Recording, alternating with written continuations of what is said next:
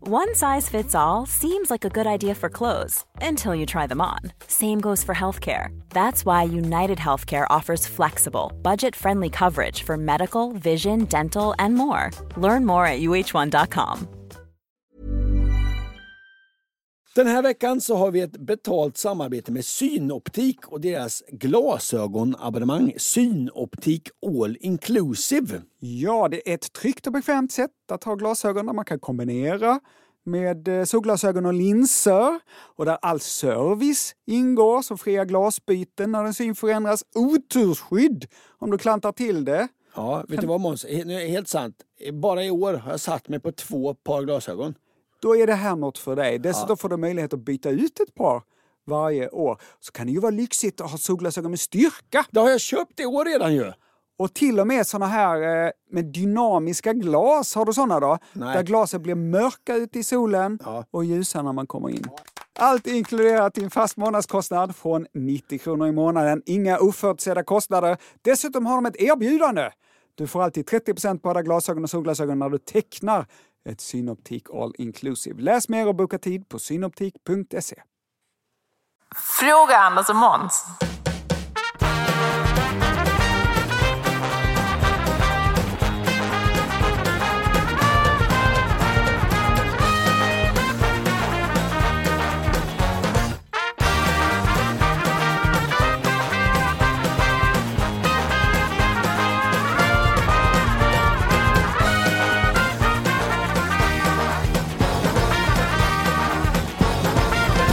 Varmt och hjärtinligt välkomna till Fråga Anders Måns, podden som svarar på lyssnarfrågor. Anders Johansson heter jag, mitt emot mig i vanlig oordning. Måns Nilsson, hur är det med dig? Det är bra. Vad trevligt. Tack så mycket. Du är fortfarande lite solbränd och skäggig. Ser ut som en eh, sjöbuse. Ja, men som en ung sjöbuse va?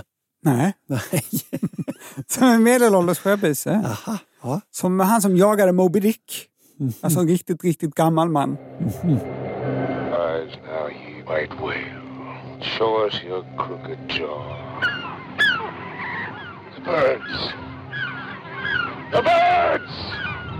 He rises! ja, det var ju inte vad jag tänkte. Men ändå, tack så mycket. Vad trevligt att du tycker att jag ser fräsch ut. Vad har hänt dig sen vi sågs? Jag har lite ångest över en sak som jag har gjort. Ja.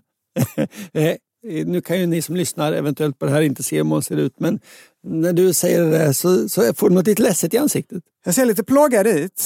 Ja, ganska mycket faktiskt. Ja, Anders, du vet ju att det här med att vara en skojare, en komiker, inte bara är ett yrke utan en livsstil. Mm. Man har övat upp sin hjärna att leta efter roligheter i vardagen och det slutar man inte med bara för att man är ledig. Nej.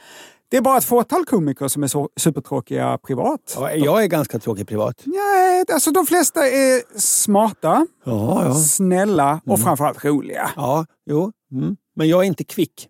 Kvick. Alltså snabb i skallen, det är inte jag. Det är ju du. Nej, men du är ju rolig på alla andra sätt. Ja.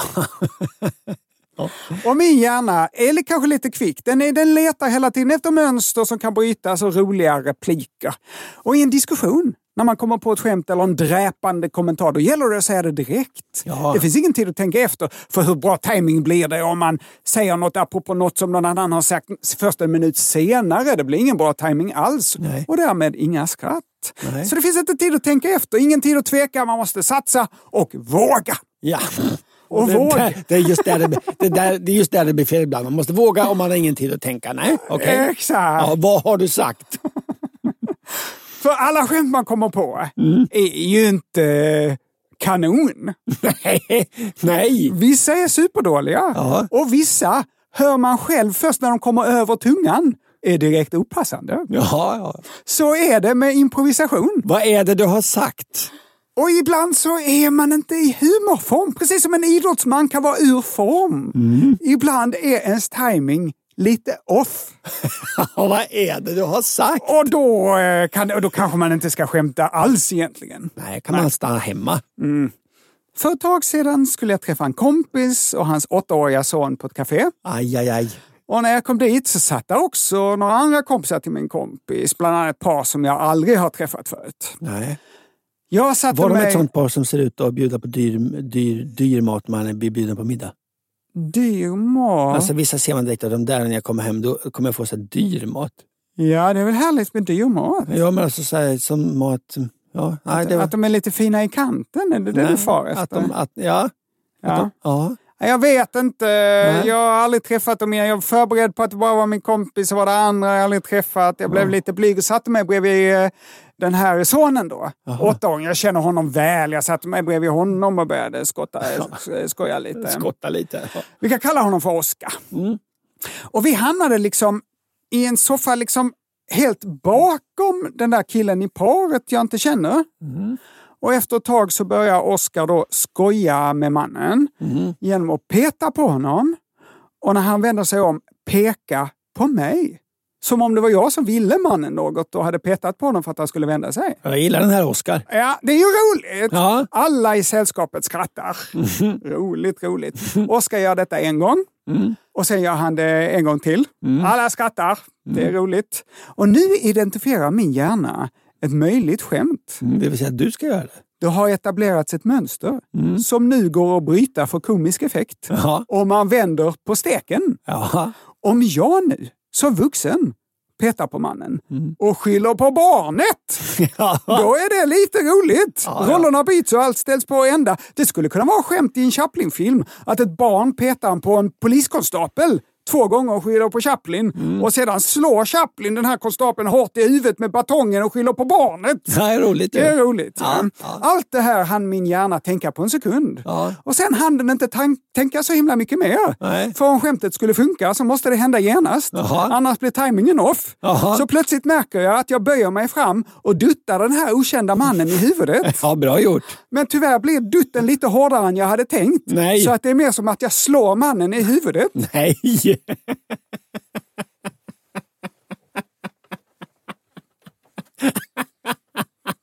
Ja, hittills är det ett kanonskämt. Och nu är då tanken att han ska vända sig om, att jag ska skylla på barnet och att alla ska skratta gott tillsammans. Så här gott som jag skrattar. Ja. Att alla tycker att jag är så himla rolig. Men det är inte vad som händer. Nej. Mannen vänder sig inte om. Nej. Istället säger han aj! Och tydligen har ingen sett att det var jag som duttade mannen väldigt hårt i huvudet. För nu säger min kompis strängt till sin son, så där gör man verkligen inte! Oskar! Nu blev det ju precis som du hade tänkt ju. Sonen Oskar pekar på mig som om det skulle vara jag som slog mannen i huvudet. Nej, nej, nej. Men eftersom alla har sett honom skylla på mig två gånger tidigare så är det ingen som tror på honom. Min kompis säger Oskar, nu får du faktiskt be om ursäkt. Ja. Och jag hinner tänka, det där skämtet flög inte. Men Ja. det verkar inte som att någon vet att det var jag. Förutom Oskar då. Mm. Han kanske får ta den här smällen. Och han gammal är Oscar igen säger du? Åtta. Åtta ja. Något har han säkert gjort för att förtjäna det. Men så tar mitt goda samvete över. Inte kan jag skilja att jag slog en man i bakhuvudet på ett litet barn. Eller? nej, Nej. nej, nej, Nej. Så jag säger, nej vänta, det var jag. Jag får ögonkontakt med mannen och jag säger, det var jag som slog dig. Som ett skämt.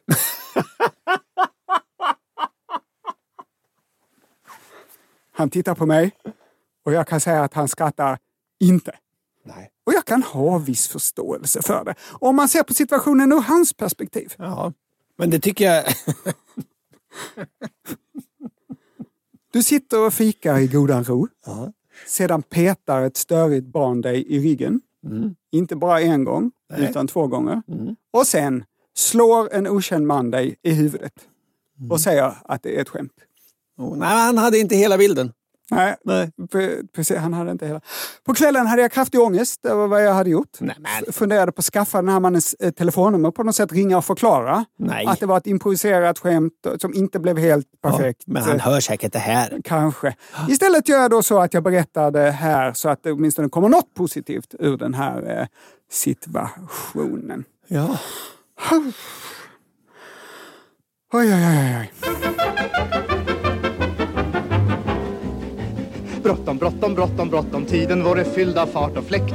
Så kallad jäkt. Anders, vad har hänt dig sen sist?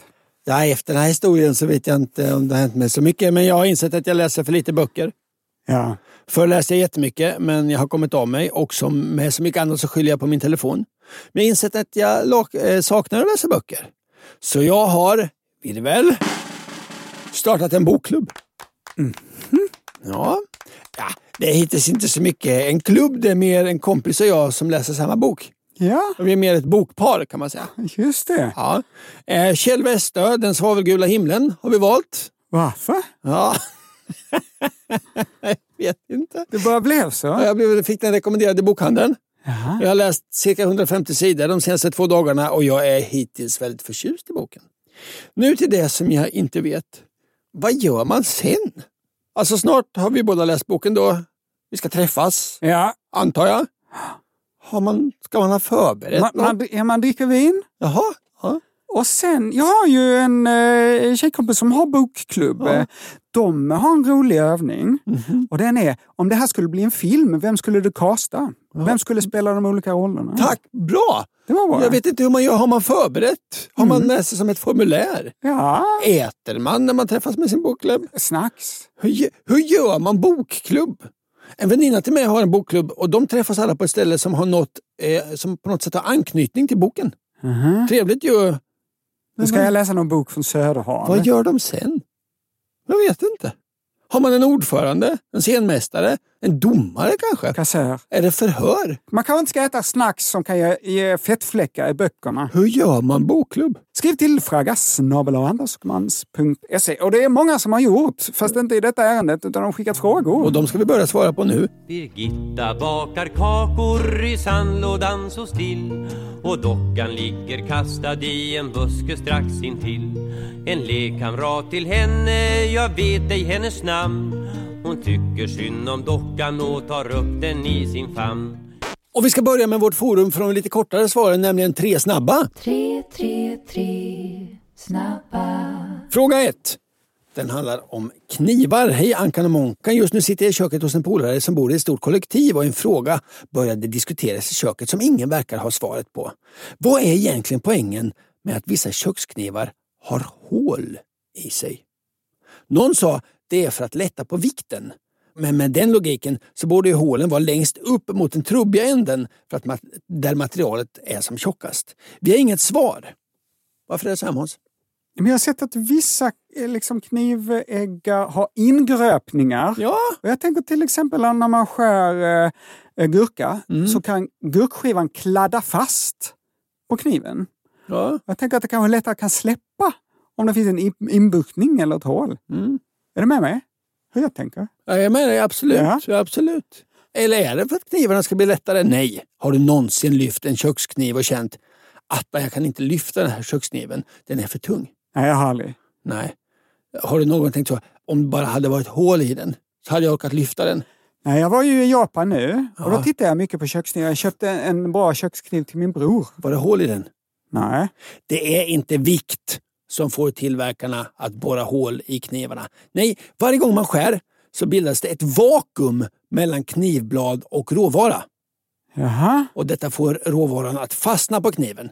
Hålet gör att det här liksom suget försvinner. Ah. Du skär i en potatis, äggen tränger ner i potatisen. Det finns ingen luft mellan knivblad och potatis. Potatisen sugs fast. Därför hål, eller som du säger ibland, nästan hål, det vill säga inbuktningar, det vill säga försänkningar. Fråga två.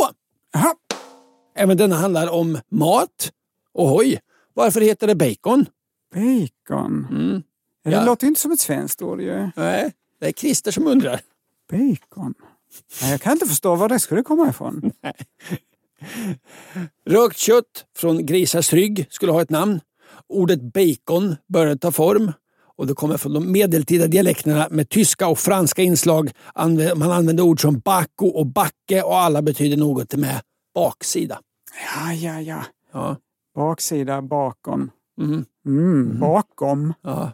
Ba- bacon. Det är baksida på något sätt. Det Ja. är ryggens rygg. Grisens rygg. Ja. Internationella bacondagen då, när är den? Eh, 31 mars. Det är lördagen före Labor Day som i Amerika är första måndagen i september. Så lördagen innan första måndagen i september, då är det internationella bacondagen. Ja, ja. Mm, fråga tre. Hej Ankan och Monkan! Varför heter det såpopera? Med vänlig hälsning Rickard. Ja, men det där tror jag kanske jag vet. Ja, detta kanske alla vet, men jag visste inte. Vet du? Nej, men var det så att det var någon jäkla tvål som sponsrade de här programmen på amerikansk tv när de sändes för husmödrar mitt på dagen? Ja, du är mycket någon nära, såpa eller någon du är tvål? mycket, mycket nära sanningen. Först, vad är en såpopera? Jo, det är en tv-serie i följetongsformat av sentimental eller melodramatisk karaktär. Min favorit är den här när de, när de har så svårt att få fram handlingen så att karaktärerna måste prata för sig själv. de ska in och konfrontera någon, så precis innan så står de framför dörren och säger Åh, nej, nu ska han få höra hur det verkligen står till att jag inte är eh, far till det här barnet utan bara styvfar. De drar hela historien för de som har missat ett avsnitt. Det är underbart ju. Ja.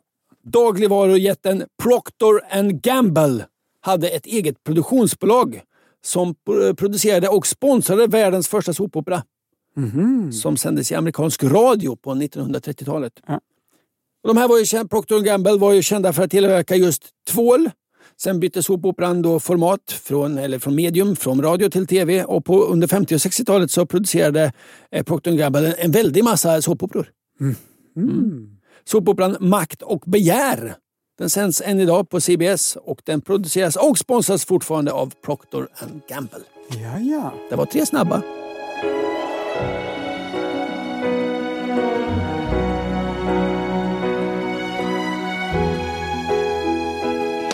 Anka Johansson, det ska handla om polydaktyli. Vet du vad jag är glad för? Nej. Att du säger Ankan Johansson, att du har slutat säga Ankeborg. Ah, du påminner Du har mig. inte ens tänkt på det. Nej, Nej, du tyckte det var fult. jag hatade det och det spred sig över landet. Så det spred sig. I- Och jag var med och gästade tv-program och grejer. Alla sa, och många tog upp det. här, Du gillar inte att bli kallad Ankeborg va? Så helt plötsligt, nu är det snart kört. Nu får jag snart heta det, tänkte jag. Men det har gått över. Jag är så glad för det. Tack så mycket Måns. Ankeborg, så här skriver Stina. Halli hallå! Hej. Min sjuåriga son insisterade att jag skulle fråga er och hans vägnar något han funderat lite väl länge över nu. Om man råkar födas med ett extra finger, vad kallas då det sjätte fingret? Mamma Stina har skrivit brevet. Mhm. Tack för frågan. Jag skulle säga att det beror på var det här sjätte fingret hamnar. Mhm. Alltså vad det heter. Jag antar att han menar tumme, pekfinger, långfinger, eh, ringfinger och lillfinger. Du känner till de här namnen på fingrarna? Anders? absolut. Det är det. Ja, ja. Att födas med fler fingrar eller tår heter polydaktyli. Från grekiskans poly som betyder många och daktylos som betyder finger. Och det är inte superovanligt.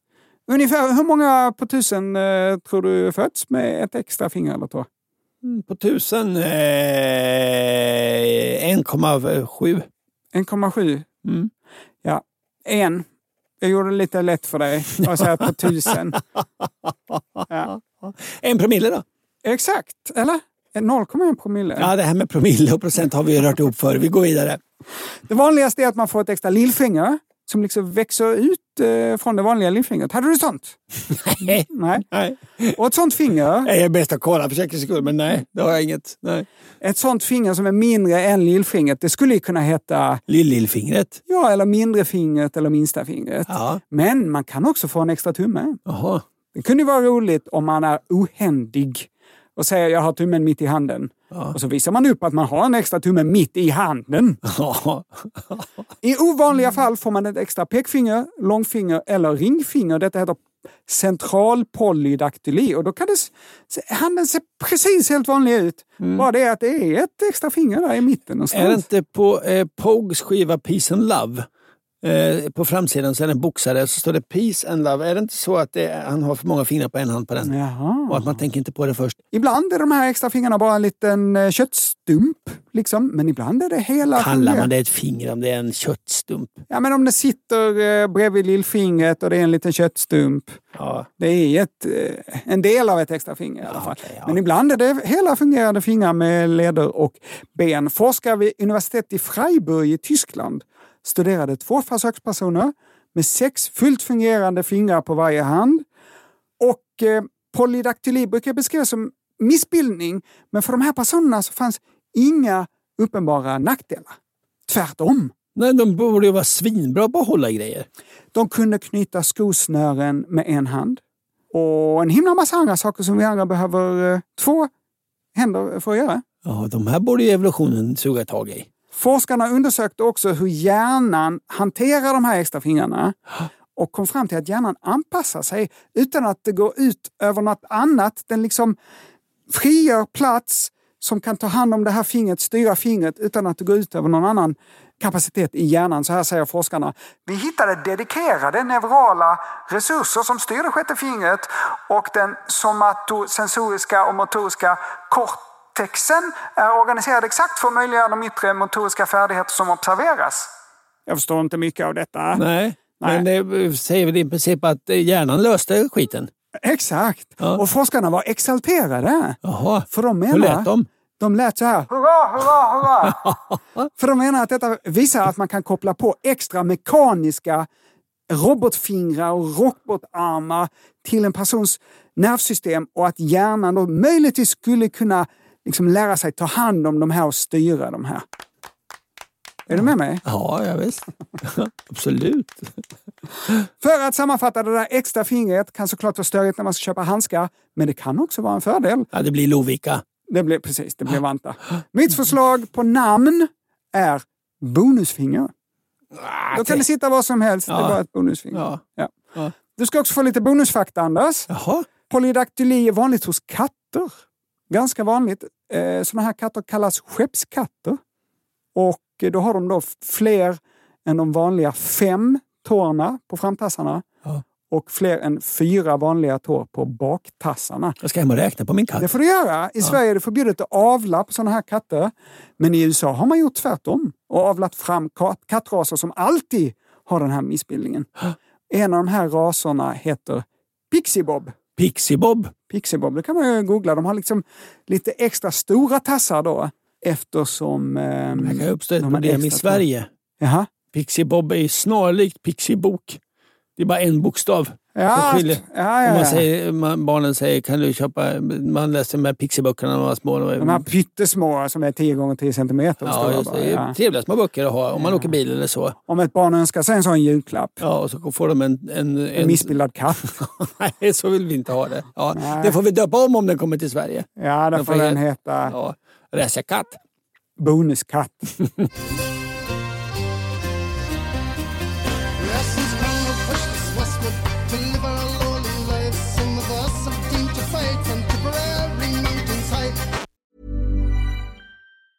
You should celebrate yourself every day, but some days you should celebrate with jewelry. Whether you want to commemorate an unforgettable moment or just bring some added sparkle to your collection, Blue Nile can offer you expert guidance and a wide assortment of jewelry of the highest quality at the best price. Go to BlueNile.com today and experience the ease and convenience of shopping Blue Nile, the original online jeweler since 1999. That's BlueNile.com. BlueNile.com. Hey, I'm Ryan Reynolds. Recently, I asked Mint Mobile's legal team if big wireless companies are allowed to raise prices due to inflation. They said yes. And then when I asked if raising prices technically violates those onerous two year contracts, they said, What the f are you talking about, you insane Hollywood ass? f- So to recap, we're cutting the price of Mint Unlimited from $30 a month to just $15 a month. Give it a try at mintmobile.com slash switch. $45 upfront for three months plus taxes and fees. Promo rate for new customers for limited time. Unlimited more than 40 gigabytes per month. Slows. Full terms at mintmobile.com. Hey there, it's Michelle Norris. I'm host of a podcast called Your Mama's Kitchen. When I travel, I'm usually looking for a way to find a taste of home when I'm not at home. And one of the things I love to do when I am at home is entertain. And Airbnb allows me to do that. When I was in California recently, I rented a house that had a great kitchen. And when we were sitting around the table, we're all thinking, we're in someone else's house. Someone could be in all of our homes as well. If you have a home, but you're not always at home, you have an Airbnb. Your home might be worth more than you think. Find out how much at airbnb.com/slash host. Vi är tillbaka och innan vi fortsätter ska vi ha lite återkoppling Måns. Pling, pling, pling, Återkoppling. Precis innan semestern så pratade du om kolonialvaror, Ja, Anders. Alltså, många har reagerat. Jag införde något nytt system som hette torr och fuktvaror tror jag. Ja, inte bara det. Nej, det varm ju- och kallvaror. Exakt, vi Ja. kom fram till att avskaffa begreppet kolonialvaror Ja. och istället införa en ny uppdelning av matvaror i matbutiker. Så här skriver Louise. Kära Anders och Måns. Jag hängde inte riktigt med på hur de nya matvaruklassificeringarna funkar för några veckor sedan. Vad räknas till de olika kategorierna? Jag kan förstå att till exempel pasta är lätt att sätta i torrvaror och färdiggrillad varm kyckling i varm mat. Men ketchup, som ju enligt gamla systemet var en torrvara, kolonialvara. Ja. Är det fortfarande en torrvara eller är det en blötvara? Den står ju i skafferiet men är flytande. Ja, men ketchup ska stå i kylen, så det är en blötvara. Och vad räknas mjölk som? Är färsk mjölk kallvara eller blötvara? Ja. Och vad händer med lång hållbarhetsmjölk? Är det en blötvara eller en torrvara Mm. som idag? När man har öppnat ett paket med lång hållbarhetsmjölk så måste den stå i kylen resten av tiden till man dricker upp den. Så kanske även lång hållbarhetsmjölk är en kallvara. Ja. Och vad är bröd för typ av vara? Den håller ju inte i skafferiet i flera månader men varken blöt, kall eller varm. Jag blir förvirrad. Kan du reda ut det här lite mer, Anders? Ja, det är ju så här Louise, att nya system det kommer alltid vara lite glapp i början. Barnsjukdomar. Ja, precis. Och då brödet till exempel. Ja, det är en torrvara, såklart. En, en kall torrvara. Ja. Ja, och det förstår ju alla. Ja. Och sen kanske det är med hållbarheten att just den här, det får vi ju lära oss. Eh, Ja, men det är en, jag menar en burk tomater. Det är ju en kolonialvara som det är nu. eh, Ja. Eller som det var till för några veckor sedan. Ja. Nu är det en, en torrvara. Nej, det är en blötvara. ja, det måste vara en blötvara. Ja, Ja. just det. Ja. Och de- den står sig hur länge som helst, men när du öppnar den så står det sig bara några. Vi får anpassa lite. Vi, vi har blö- torrvaror och... och, och ja, det är egentligen väldigt, väldigt enkelt. Mat som är torr Ja. är torrvaror. ja. Mat som är bil- är blöt, Det är blötvaror. mat som är varm Varor. och mat som är kall. Kallvaror. Svårare än så är det inte. Nej, och sen, sen är det ju så att alla varor går inte att helt klassificera i det här systemet. Men vi, det kommer vi lära oss med tiden. Ja, och vilket system i världen är helt vattentätt? Inget. Inget. Nej. Nej. Det, jag hoppas att det är de här vä- nya vätgassystemen till bilar. Att De det- måste vara vattentäta, annars jag kommer det hoppas. Mm. smälla så högt. Men annars inget system. Nej. Så med de orden Louise, så hoppas vi att vi har fått lite mer klarhet i hur du ska inreda din matbutik. Sen kan vi ha undergrupper. Absolut. En, en, en varm kyckling i butiken, det är, ju, det är ju då en varm blötvara. Ja. Ja, och ofta är ju kyckling ganska torrt. Ja, men de här varma som snurrar på pinnar. Ja, men ofta är köttet ga- lite för torrt. Ja, fast det är ändå, går ändå in under blötvaror. Okej. Det måste inte vara flytande för att blötvara heller. Nej, det här är sunt förnuft. Ja. Louise, använd sunt förnuft. För en gångs skull. Vi sitter mitt i sommaren här, min brud och jag. Vi har det jättebra, allting är som det ska. Vi sitter mitt i gräset på en äng någonstans efter en lördagsdans. Jag visste nog att hon fanns. Jag har redan pratat om knivar, nu ska det handla om något snarlikt. Svärd. Nej. Har du sett Love on the Spectrum? Så bra serie, så fin serie. Och alla killar samlar på svärd. Coola svärd. älskar den.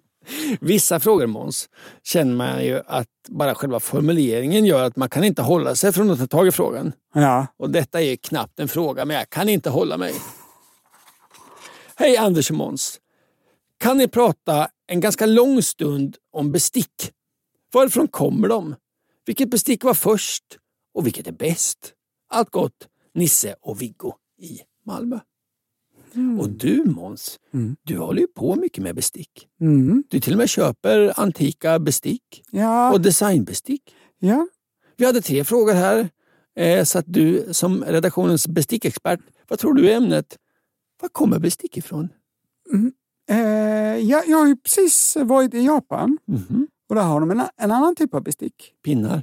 Pinnar. Mm. Jag Så- kan tänka mig att eh, bestick kommer ur pinnar. Okej. Ja. Det är min chansning. Vilket bestick var först? Jag tro, som sagt, jag tror att det var eh, pinnar men av kniv, gaffel och sked. Mm. Mhm. Så tror jag att gaffel var först. Nej, jag skojar naturligtvis. Eh, Kniv var ju Mm, först. Så du tror att... Flint, eh, yxor, och Ja. flintknivar Mm, och sånt har man ju. Okej. okej. Och vilket är bäst? Sked. Sked. Okej, ja. Kom ihåg dina svar. Du tror att Ja. besticken kommer Och vi har ju från- också koat det fjärde besticket, kommer du ihåg? Spork. Precis, det är ju en, en, en blandning av... Mm, Men det flä- fjärde besticket, det var ju slickepotten. Ja, just det. Men kom ihåg dina svar då. Ja. Du tror att besticken kommer från Japan? Nej, från pinnar. Från pinnar. Kina kanske snarare då. Ja, och du tror att eh, kniven var först? Japp. Och du tycker att skeden är bäst? Ja. Vi sparar dina svar och jag ska försöka ge dig sanningen. Finska. Återigen, så du hamnar på den finsk sida? Kan det vara när du stavar dina sökningar på Google? Eller? Finska Yle skrev 2018 en lång, lång, lång artikel om bestick. De har samma intresseområden som, som du och jag. Man har ju eh, inte alltid använt bestick. Länge var ju händerna grejen. Just det. Händerna var lite, man kan säga, bestickens Taylor Swift. Nej. Alla gillar det. Fortfarande är det ju vanligt att äta med händerna, såklart. Många kulturer äter eh, f- eh, fortfarande med händerna. Ja, och det där har man ju hört att vissa kulturer håller isär. eh, Ät handen och torka sig i stjärten-handen. Mm, det fick man lära sig i mellanstadiet. Ja, jag vet inte om det är sant. Nej, vi äter också såklart med händerna ibland. Pizza, hamburgare, musslor, ärtsoppa och sånt. Det äter vi ju med händerna. Såklart. Kniven och skeden torde varit de första besticken eh, som användes just då för att underlätta ätande. Därefter kom gaffeln. Så där har vi ett litet svar. Kniven och skeden var först. Men vi ska börja med gaffeln. Det är ett oerhört spännande bestick alltså. Mm. De där taggarna längst fram. De, de första gafflarna de var inte avsedda att stoppas i munnen överhuvudtaget. I det forna Egypten, Grekland och i romarriket använde man enkla liksom spett för att fiska upp köttbullar ur grytan. Maten fördes till munnen med händerna eller med hjälp av en kniv eller sked. Jaha! Det är ju jättedumt. Ju. Man satt med lösningen i handen. Alltså man fiskade upp en köttbulle, la den på en tallrik, antar jag, och sen åt man den med kniv. Ja. Det blir liksom ett steg för mycket. Vad är, fick man, man tar upp köttbullen, varför bara stoppar man den inte i munnen? Ja, ja, ja. Det var väl för att man var lite så att säga dum i huvudet på den tiden. Jag vet inte. Men hög gaffel? Alltså sånt som man häschar hö med? Är det ett bestick? Nej, nej, men det är ju en stor version av en gaffel. Mm. Kom den före eller efter gaffeln? Eh, det- Den Skriv kom, till. den kom långt före gaffeln. Ja, det tror jag också. Ja, det vet jag. Ja. Mm. I Kina eh, äter man ju som bekant inte med, eh, med bestick utan man äter med Deras typ av bestick, det får man ändå kalla er bestick, pinnar. Ja, ja, just det. Och det är ju lite intressant det här att äta med pinnar. Inte minst för dig och mig Måns. Ja. Du och jag började sända Så funkar det på Sveriges Radio, P3, eh, runt 2002-2003. Jaha. Vi svarade på lyssnarfrågor. Varifrån kom vår inspiration? Varför bestämde vi oss för att svara på lyssnarfrågor? Minns du detta Måns? Nej, men vi, du och jag ville ha ett eget program och snacka skit Mm. eh, och spela låtar i radio, men det Så ville hör- inte cheferna. De ville Nej. att man skulle ha någon programidé. Ja, just det. Ja, Men så hörde vi ett inslag, minns du detta? Nej. Nej, vi lyssnade på Christer i P3. Jaha. Ja, och där var det någon som jobbade där. Det var inte Christer eller, eller någon av de som jobbade där sen, utan det var någon som gjorde ett inslag där han ringde till en Kina-restaurang och frågade varför äter man med pinnar? Aha. Ja, vi skrattade gott och det här. Sen pratade vi inte om det. Sen började vi också lite. Det där.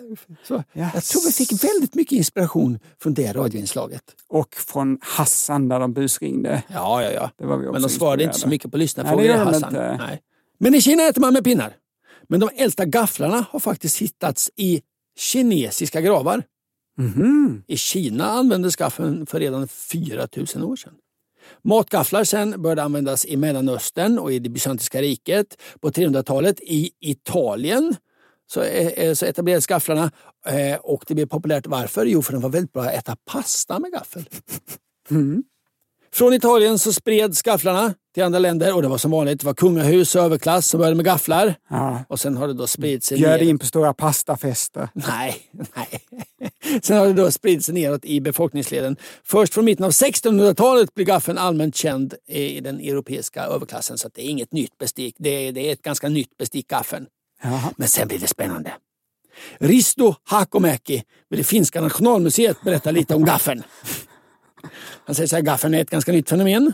Det var ett föremål som man snarare fördömde och ansåg vara rätt värdelöst och trivialt, åtminstone på landsbygden, säger Risto. För att...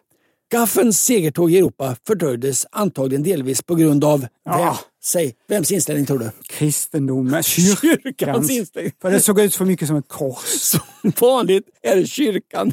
Ja.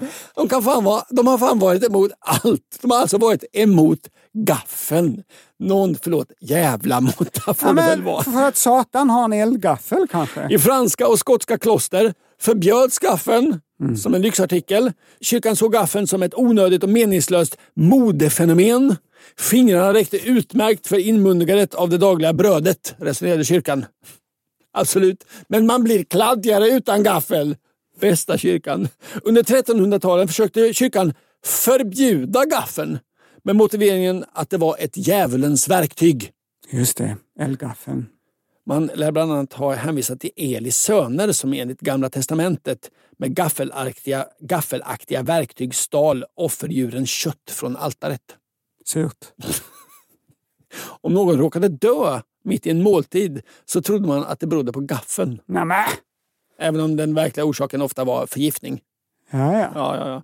Den franske kungen Karl V, även kallad Karl den vise, hatade gafflar. Nej. Orsaken var att män som använde gafflar kunde misstänkas vara eh, homosexuella. Jaha. Mm. Okej, Karl den vise Ja. tror att män som äter med gaffel är bögar. Ja. Det finns något eh, som inte stämmer här. Han var inte så vis.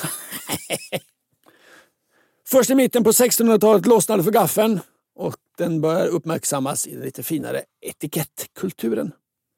Men vi har ju kniv och sked kvar. Ja, ja. Det är ju kul ju. För cirka två och en halv miljoner år sedan lärde sig människan att göra knivar. Ja, ja. Ja, det var ju för jakt och allt möjligt. Och Jag de- styckar Ja, kött. Och de första knivarna, det här vet vi, tillverkades av sten och flinta och ben och sånt. Men som regelrätta bestick som utvecklades för att underlätta ätandet kom förmodligen skeden först. Jaha. Nämen! Mm. Jo. Om man hade en sån här fl- bit flinta, Mm. då fasken hade man med sig den när man åt också. Och skar lite i mindre Ja, inte delar. enligt det finska YLE. Nej. Nej, de, de hävdar att som mat, bes, matverktyg kom skeden före kniven. Jaha, okej. Så där hade du fel. Ja, ja. Så kan du nu bestickens prispall? I eh, hur gamla de är? Ja, brons. Eh, I hur gamla de är? Ja. Är det det liksom? Ja, enligt dig då, Ja, då är det gaffeln på tredje plats. ja, silver. Kniven. Och guldet går till? Skeden. Mm. Men jag är mycket skeptisk till detta. Med tiden, när måltiderna mer och mer blev sociala tillställningar, förvandlades kniven alltså, det, mer till ett bestick.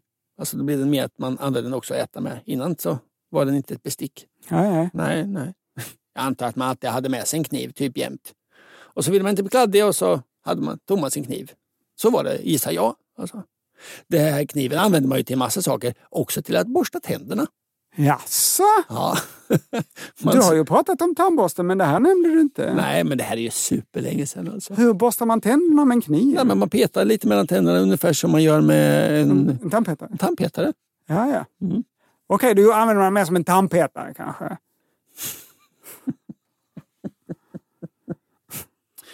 Och kniven var ju från början också mycket ett, ett vapen, eller hur? S- såklart. Ja. Och det här syns i dukning. Alltså, eh, det är därför man ska duka eh, så att så knivsäggen ligger inåt mot tallriken. För att det är mindre hetsigt. Så det, då kan man inte lika lätt liksom ge sig på någon i sin närhet. Nej, ja, okej. Ja, ja. Och så har vi skeden kvar nu då. Är du med på skeden? Hur man ger, ger sig på någon i sin närhet med en sked. Oh, det är ingen rackare! De äldsta skedarna, alltså vårt första bestick, guldpristagaren, de var formade som eh, en trekant. Jaså? Ja, med tiden har skeden blivit mer och mer oval, men de första liksom skedarna var trekanter mer. Okej, och vilken del satte man in i munnen då? Alltså den breda eller den spetsiga? Nej, de var ju breda längst ner. Jaha. Alltså de var inte som en, som en pil, Nej. Nej. Okej. men som en skyffel. Som en skyffel. Okej, som en stor spade. Ja, de första äldsta skedarna är över 6000 år gamla. Mhm. Alltså äldre än Henrik Schyffert. Mm. Var de gjorda av horn och ben? Jag ble- Det var gjorda av allt möjligt, olika Ja. saker. Ja, ja, ja. Grus.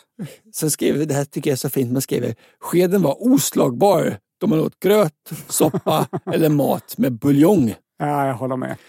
Men även när man tog sig en slurk sprit. Var det innan man kom på muggen? Men att man snapsade med hjälp av sin sked. Ja, ja, ja. ja. Så Nisse och Viggo, det här röriga inslaget ska sammanfattas. Besticken kommer från lite varstans. Gafflar kommer från Kina. Skeden var först. Den vann guld och därför är den också bäst. Mhm. Såklart, den vann ju. Den var äldst. Nu har jag pratat, som ombedd, lite för länge om bestick.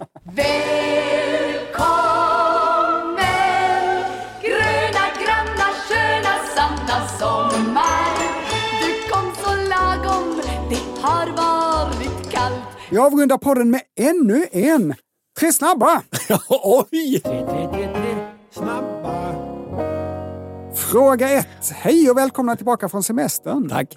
En snabb fråga. Vilka kläder tar längst tid att klä på sig? Ja, det måste vara fracken. Varma hälsningar Johannes. Rätt svar, byxor. De har liksom längst eh, väg att färdas. Mm. Byxor är det enda plagg man inte kan stressa på sig. Man kan kasta på sig en t-shirt, dra på sig en mössa. Men om man stressar liksom byxpåtagningsprocessen så kommer man ramla och slå sig. Det kommer inte gå fortare. Fråga två. Finns det något asymmetriskt djur? Detta undrar Adam. Kommer du på något Anders? Absolut, det finns ju vissa fiskar som är asymmetriska. Jaha, vilka Alltså, då? klu- eh, stenfisk. Stenfisk, är det en plattfisk? Nej, det ser ut som en sten. Det är ett av världens giftigaste djur, om man sticker sig på den. Jaha. Det finns massor med asymmetriska djur. Människan är ju inte helt symmetrisk inuti. Hjärtat sitter lite åt vänster, vi har bara en lever på högersidan och en mjälte på vänstersidan. Sniglar med skal, Ja, det alltså snäckor. ja, inte symmetriska. Nej, då, det här är ju skalen eh, inte symmetriska utan de är antingen snurrade motsols Mhm. eller medsols. Det finns en vadarfågel i familjen pipare som heter snednäbb. Anders, kan du gissa vad som är asymmetriskt med den frågan? Mm. Kan det vara näbben? Näbben är sned. Ja, är det den näbben där, där näbben blir som ett kors längst fram? Det ser ut som en sax. li- Alltså att den, näbb, näbbarna längst ut korsar varandra. Nej, Nej. det är en näbb som viker av åt höger. Jaha. Och man vet inte riktigt eh, varför. Nej. Nej. Vinkarkrabbor, känner du till vinkarkrabbor Anders? Ah, men de har väl en klo som är mycket större än den andra. Exakt. Hanarna har en klo som är supermycket större än den andra. Lika stor som hela kroppen. Liksom. Ser ut som de är jättebra på armbrytning.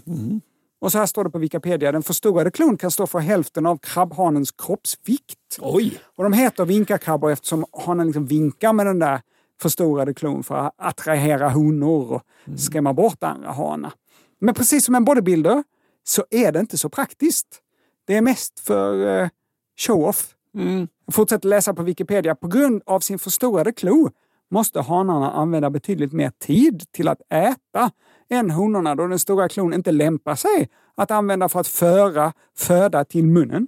Nej, det kan man förstå. Den är ju är ju hälften av kroppsvikten. Om du hade en hand som var lika stor som, som eh, resten av din kropp, det skulle vara jättesvårt att, att äta med. Superopraktiskt.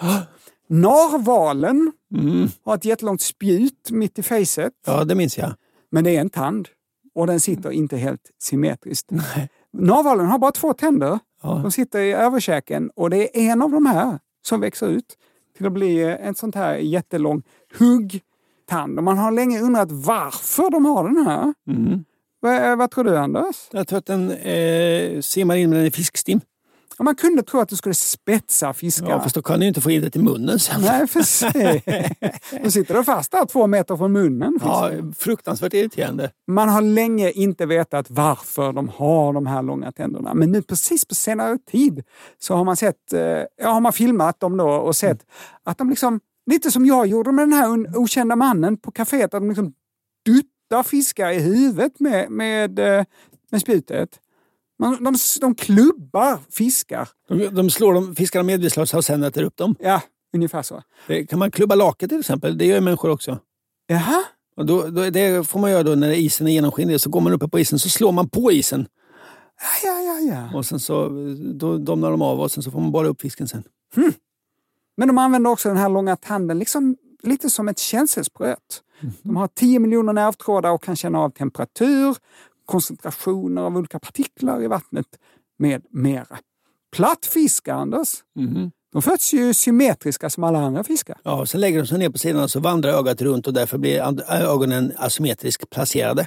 Precis. När de föds så simmar de precis som eh, helt vanliga fiskar, har ett öga på varsin sida. Mm. Men det vandrar över och så blir de asymmetriska. Så Adam, det finns en massa olika asymmetriska djur. Fråga tre!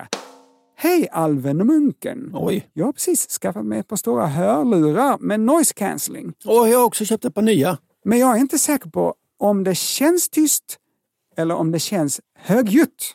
Ja, Jutt är ju ett så bra ord. Skriver Alltså, ju- vi måste Frida. prata om ordet jutt. Alltså, högljutt har- säger du. Ja.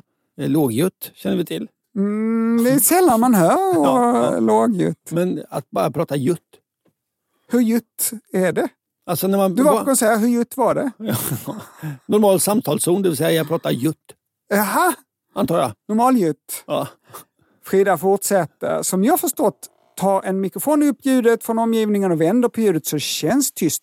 Men är det tyst? Eller är det egentligen dubbelt så högt? Eller tre gånger så högt om jag sätter på musik? Skulle kännas snopet att få tinnitus av tyst. Det här har ju du gått igenom Ska vi få- på det, eh, med den äran. Det här eh, och ju- är en lång saga om en man som jag badade med. var ju- Just det, han var ju eh, mäklare och bröllops-DJ. Ja. Och han fick symbolisera då, de, eh, han fick på något sätt Han plaskade i badkaret mitt emot mina vågor så att det blev inga vågor på mitten. Precis, jag har förklarat hur noise cancelling hörlurar fungerar i ett Ja. avsnitt. Ja, väldigt så, roligt avsnitt. så jag ska inte göra det igen. Nej. Men för att svara på Fridas fråga så känns det inte bara tyst Frida, utan det är tyst. Lurarna lurar inte dina öron och tror att det blir tyst utan ljudvågorna tar fysiskt ut varandra och det blir verkligen tyst. Så noise cancelling hörlurar är bra emot tinnitus eftersom man då eh, kan spela sin musik mycket lägre än man annars hade gjort med högt eh, bakgrundsbuller och så. Så du kan med gott samvete använda dina noise cancelling hörlurar. Det här var Tre snabba och det var allt vi hade att bjuda på idag. Programmet är slut och vi hörs igen om en vecka för då är det nästa vecka. Tills dess, skriv fler frågor till... Fraga snabel andersochmans.se. Och ha det så bra! Puss och kram! Hej då!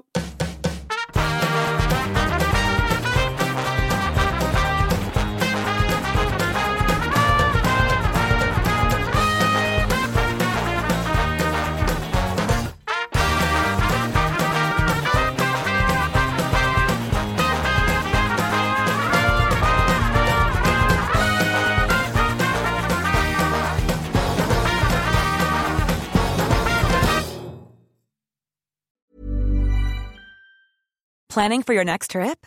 Elevate your travel style with Quince. Quince has all the jet setting essentials you'll want for your next getaway, like European linen, premium luggage options, buttery soft Italian leather bags, and so much more. And is all priced at 50 to 80% less than similar brands. Plus, Quince only works with factories that use safe and ethical manufacturing practices. Pack your bags with high-quality essentials you'll be wearing for vacations to come with Quince. Go to quince.com slash pack for free shipping and 365-day returns. Hey, it's Paige DeSorbo from Giggly Squad. High quality fashion without the price tag. Say hello to Quince. I'm snagging high-end essentials like cozy cashmere sweaters, sleek leather jackets, fine jewelry, and so much more. With Quince being 50 to 80% less than similar brands.